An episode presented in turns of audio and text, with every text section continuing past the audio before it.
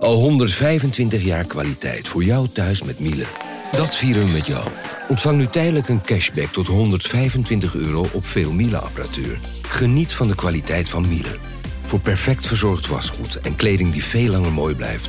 Voor een stralend schone vaat, even perfect als jouw diners.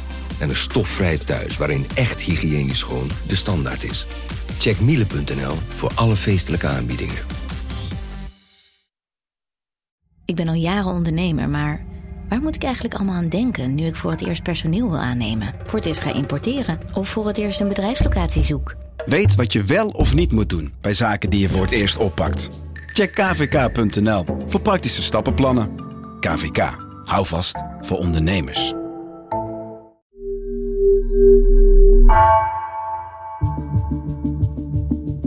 Vanaf de redactie van NRC het verhaal van vandaag. Mijn naam is Floor Boon.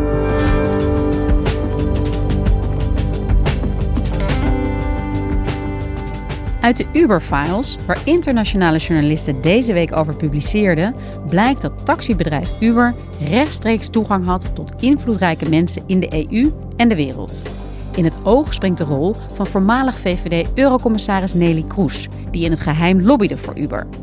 Europa-correspondent Clara van der Wiel vertelt hoe groot de macht van bedrijven is in Brussel. Welke risico's brengt dat met zich mee?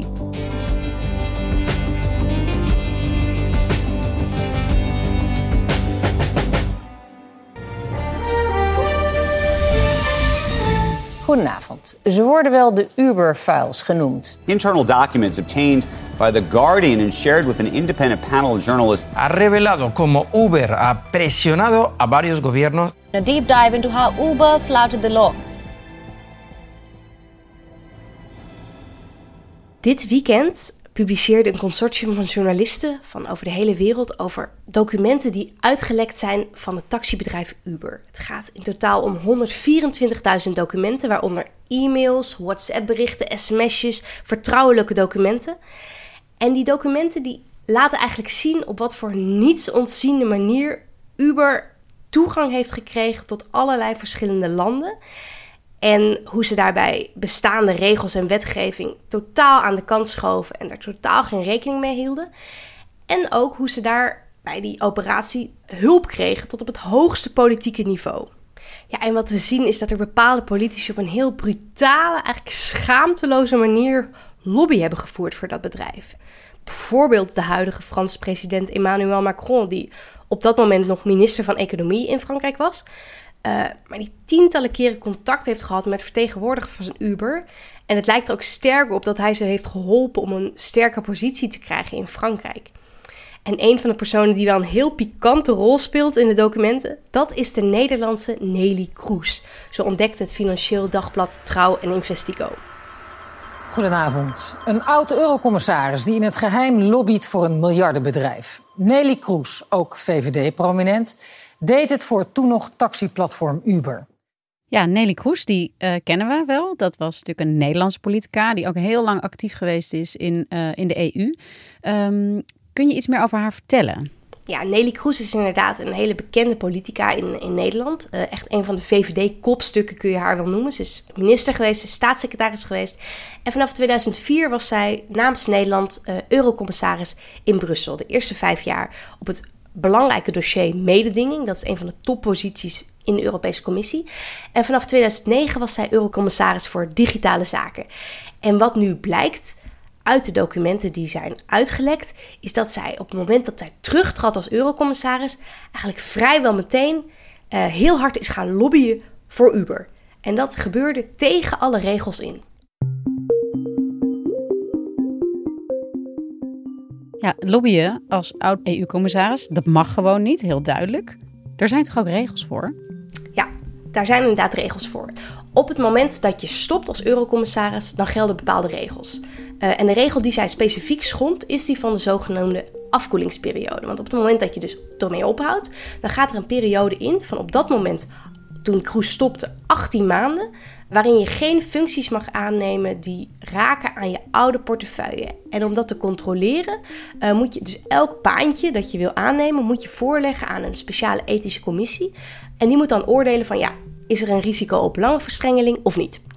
18 maanden, dus anderhalf jaar. Dat is toch eigenlijk heel erg kort? Ja, dat klopt. Dat hoor ik vaker. Ja, nee, inmiddels is die termijn ook verlengd tot twee jaar.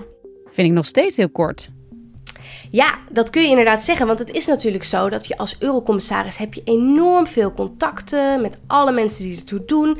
Uh, je, je kent alle dossiers, je weet precies wat er aankomt. Je, weet, je hebt ook allerlei voorkennis over wetgeving die mogelijk in, de toekomst gaat komen.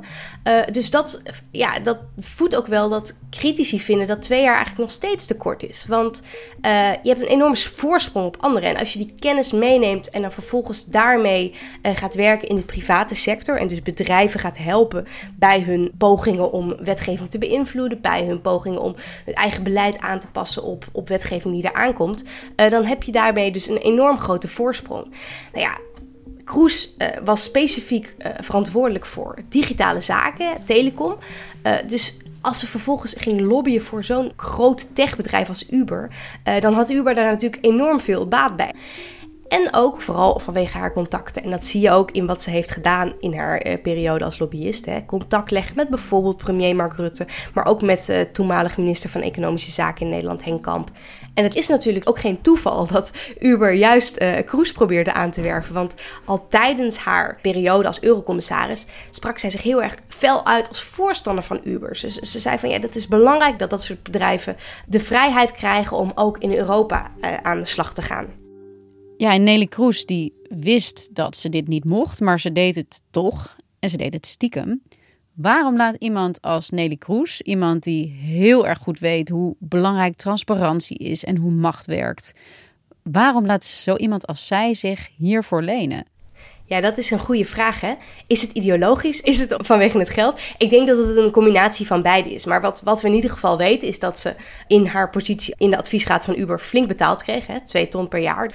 En we weten dat zij ook als eurocommissaris een grote voorstander was, zoals ik al zei, van Uber. Nou ja, op het moment dat zij weg is gegaan als eurocommissaris, heeft zij uh, haar baantje, wat ze wilde aannemen bij Uber, heeft ze voorgelegd aan die ethische commissie. Maar die hebben ook, blijkt nu, nee gezegd. Die hebben gezegd, nee, dat mag niet. Um, vervolgens heeft zij het nog een keer gevraagd. Dit keer aan de uh, toenmalige voorzitter van de Europese Commissie, Jean-Claude Juncker. Uh, Jean-Claude, mag ik dit niet toch doen? Juncker heeft gezegd: nee, dat mag niet. Dus twee keer heeft zij een afwijzing gekregen en alsnog is ze die lobbypraktijken gaan, gaan voortzetten.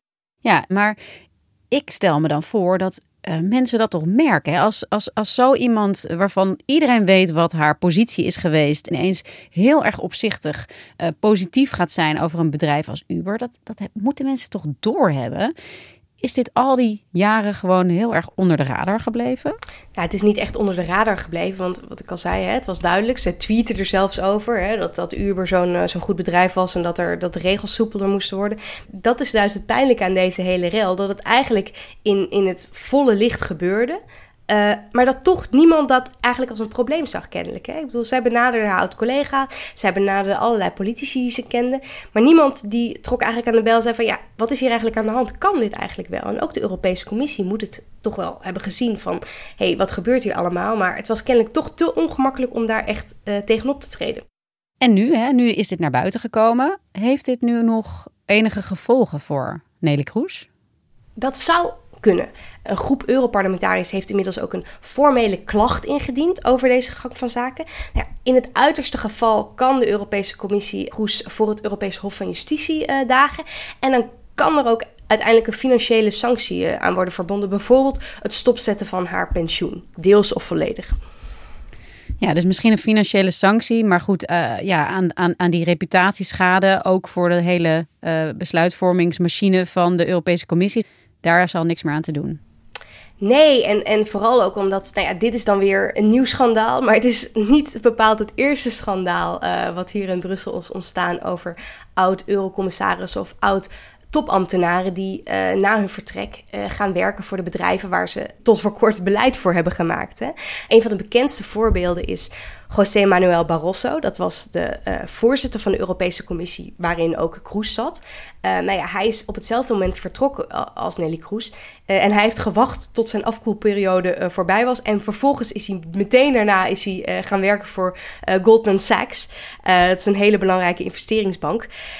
En die bank is ook omstreden, uh, want uh, ze hadden toch wel een, uh, een, pikante rol in de Griekse schuldencrisis. en juist die Griekse schuldencrisis speelde ook enorm tijdens Barroso's eigen termijn. Dus het feit dat hij daar meteen naar zijn afkoelperiode ging werken, nou, dat leidde tot enorm veel ophef. En dat schandaal is ook de reden geweest dat die afkoelperiode, zoals ik al zei, iets is opgerekt tot inmiddels twee jaar. Ja, dus wat er nu duidelijk wordt, hè, wat de Kroes heeft gedaan, zij is niet de eerste die dit doet, ze is ook niet de enige. Wordt die afkoelperiode, zoals jij dat noemde, wordt die niet gehandhaafd? Ja, hier wijs je echt op het allerpijnlijkste punt van dit allemaal. Want het blijkt toch wel, ja, Kroes heeft nu dan echt heel erg onbeschoft eigenlijk die regels geschonden. Maar het blijkt ook dat die regels eigenlijk niet voldoen. En ook niet worden gehandhaafd. Want inderdaad, uh, op dit moment is het zo dat er een afkoelperiode geldt. Maar of mensen zich daaraan houden, dat wordt totaal niet gecontroleerd. Het blijkt toch dat de Europese Commissie eigenlijk oud-eurocommissaris op hun blauwe ogen gelooft uh, over wat ze na hun uh, aftreden gaan doen. En Clara, jij werkt in Brussel, maar hoe zit dit in Nederland? Want ik herinner me in ieder geval vorig jaar heel veel ophef over uh, Cora van Nieuwenhuizen. Dat was indertijd minister van Infrastructuur en Waterstaat. En zij stapte op als minister om vervolgens te gaan lobbyen voor de energiesector in Nederland. Ja, klopt. In Nederland waren de regels eigenlijk nog wat, uh, nog wat zwakker dan in Brussel, uh, tot voor kort. Uh, maar inderdaad, dit relletje rond Cora van Nieuwhuis heeft wel weer nieuw vuur gegeven aan de pogingen om dit ook wel strenger te gaan maken in Nederland. Dus inmiddels is er ook een nieuwe lobbyregels van kracht geworden, waarin ook een afkoelperiode is ingevoerd, waarin ministers twee jaar lang niet meer mogen lobbyen bij hun oude ministerie, maar ook niet bij ministeries die eigenlijk raken aan hun, aan hun oude portefeuille. Dus ook in Nederland zijn er inmiddels wel iets strengere regels gekomen. En even los van wat er dan wel of niet mag en welke regels er waar gelden. Als we gewoon even kijken naar de praktijk van het lobbyen, merk je er zelf ook iets van? Word je wel eens actief of ja, juist heel erg heimelijk belobbyd? ja, zeker. Kijk, Brussel is natuurlijk echt het lobbywalhalla. Omdat er wordt hier enorm veel wetgeving gemaakt. Um, en voor die wetgeving gelden natuurlijk enorm veel verschillende belangen. Je hebt alleen al bijvoorbeeld alle 27 EU-lidstaten. Maar daarnaast heb je natuurlijk ook een gigantische private sector hier die lobbyt. Want heel veel van die EU-wetgeving, bijvoorbeeld als het gaat om ja, regels voor medicijnen, voor voedsel, maar ook inderdaad voor grote techbedrijven. Nou, die zijn van enorm grote invloed op grote bedrijven. Ook de echt grote spelers, zoals bijvoorbeeld uh, Apple, Google, uh, Facebook. Zelf merk ik dat natuurlijk ook. Ik krijg uh, eigenlijk wel meerdere keren per week krijg ik mails van uh, ja, lobbykantoren of van consultancybedrijven. Uh, die zeggen van hé, hey, misschien vind je dit een interessant onderwerp over te schrijven. je hebt vast al gehoord over deze wetgeving die eraan komt. Nou, wij hebben een hele interessante expert die je daarover zou kunnen interviewen. Is dit niet een leuke invalshoek voor een verhaal? Dus als journalist lig je echt heel erg in het vizier van die lobbyisten, omdat jij invloed hebt op de publieke opinie over, over wat er aankomt vanuit Brussel. Um, en los daarvan zie je het natuurlijk ook gewoon in het dagelijks leven. Hier in Brussel is een heel ja, vruchtbaar klimaat van debatten, van, van lezingen. En paneldiscussies. Uh, als je kijkt wie dat dan subsidieert en wie er aan tafel zitten, dan uh, zijn dat niet zelden ook gewoon de grote bedrijven die uh, ja, geraakt worden door, door wetgeving. Ja, en los daarvan zie je het ook nog gewoon in het Brusselse straatbeeld. Als ik vergelijk met de stad waar ik hiervoor woonde, Amsterdam, dan zie je hier veel meer billboards bijvoorbeeld van, van Google, die, die laat zien van ja, wij zijn heel erg goed, want onze YouTube kindervariant is heel veilig voor kinderen. Dus ze zijn gewoon veel zichtbaarder in het straatbeeld dan in veel andere Europese steden. En hoe ga je daarmee om? Want jij moet dus elke keer opnieuw ook een soort weging maken van is dit iets serieus? Is dit een lobby? En als het een lobby is, hebben ze misschien dan toch goede informatie? Of hoe, hoe doe je dat? Ja, dat is soms niet altijd even makkelijk, want Europese wetgeving is ingewikkeld. Dus uh, je kunt als correspondent kun je nooit over alles precies alles weten. Dus je moet ook gebruik maken van deskundigen, van uh, gepubliceerde rapporten die dingen verhelderen.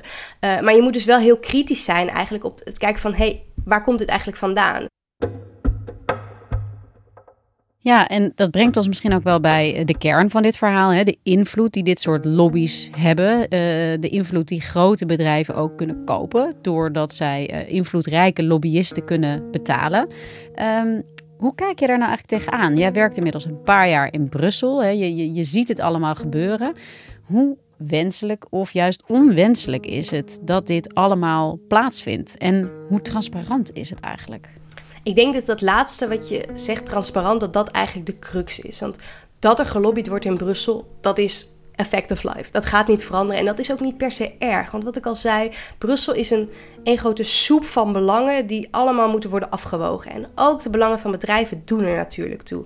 Uh, juist ook omdat de Europese Commissie en Europese wetgeving in, in het algemeen heeft heel vaak de kritiek gekregen dat het heel bureaucratisch was en totaal geen rekening hield met de belangen van ondernemers, van de belangen van het bedrijfsleven, van, van hoe, hoe het in de praktijk werkt. Dus het feit dat de Europese Commissie ook probeert te luisteren naar van hoe werkt onze wetgeving in de praktijk uit en wat voor consequenties heeft die voor bedrijven, dat is logisch.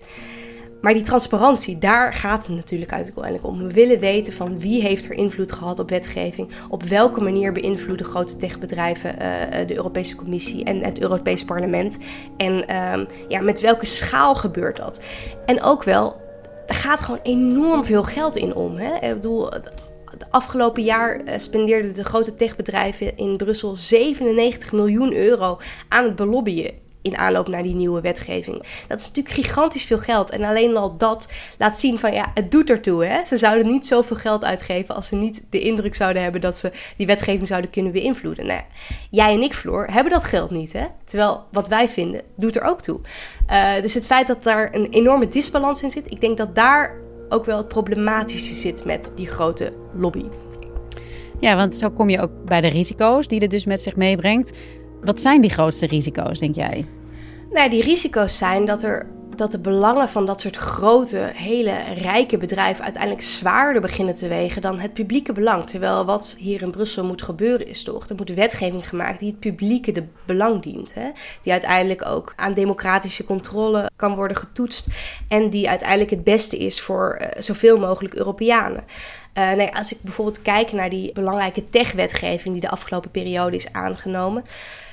Aanvankelijk was er sprake van om ook uh, een verbod in die wetgeving op te nemen op het gepersonaliseerde targeting van mensen op internet. Nou ja, dat herken je vast wel. Hè? Als je op Facebook zit, dan krijg je heel erg um, advertenties die heel persoonlijk op jou zijn gericht. Nou, ik heb onlangs een kind gekregen. Uh, en ik krijg nu natuurlijk alleen maar advertenties met luiers, met allerlei andere babytroep. Dus ze weten heel goed van, oh ja, daar uh, valt wat te halen. Maar er is een gigantische lobby op gang gekomen van de techbedrijven. En de strategie die ze hiervoor heel specifiek hebben gebruikt, is doen alsof dat onderdeel van die wetgeving heel kwalijk zou zijn, vooral voor kleine ondernemers.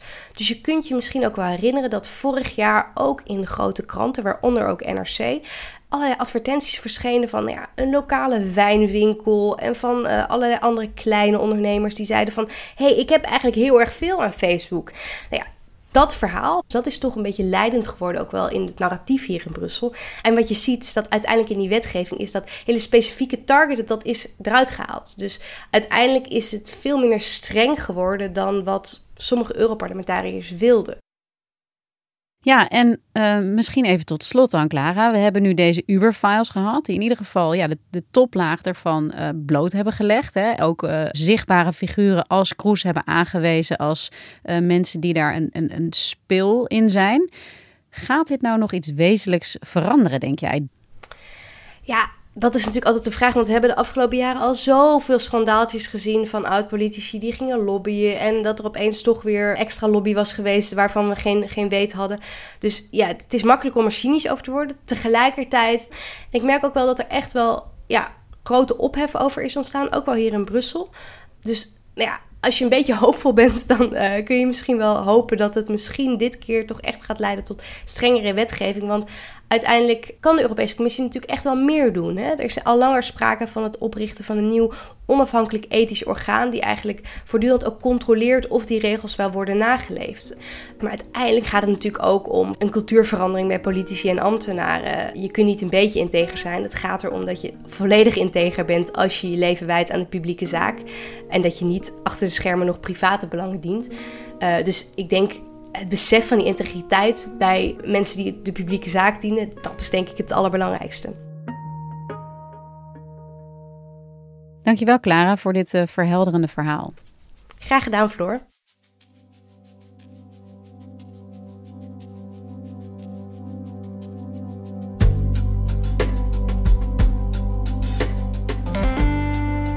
Je luisterde naar vandaag, een podcast van NRC.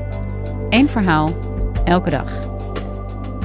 Deze aflevering werd gemaakt door Allegria Ioannidis en Astrid Cornelissen.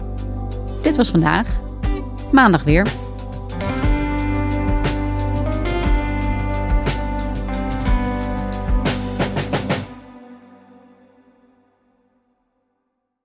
Technologie lijkt tegenwoordig het antwoord op iedere uitdaging. Bij PwC zien we dit anders. Als we de potentie van technologie willen benutten, kunnen we niet zonder een menselijk perspectief. Human-led, tech-powered noemen we dat. Ga naar pwc.nl.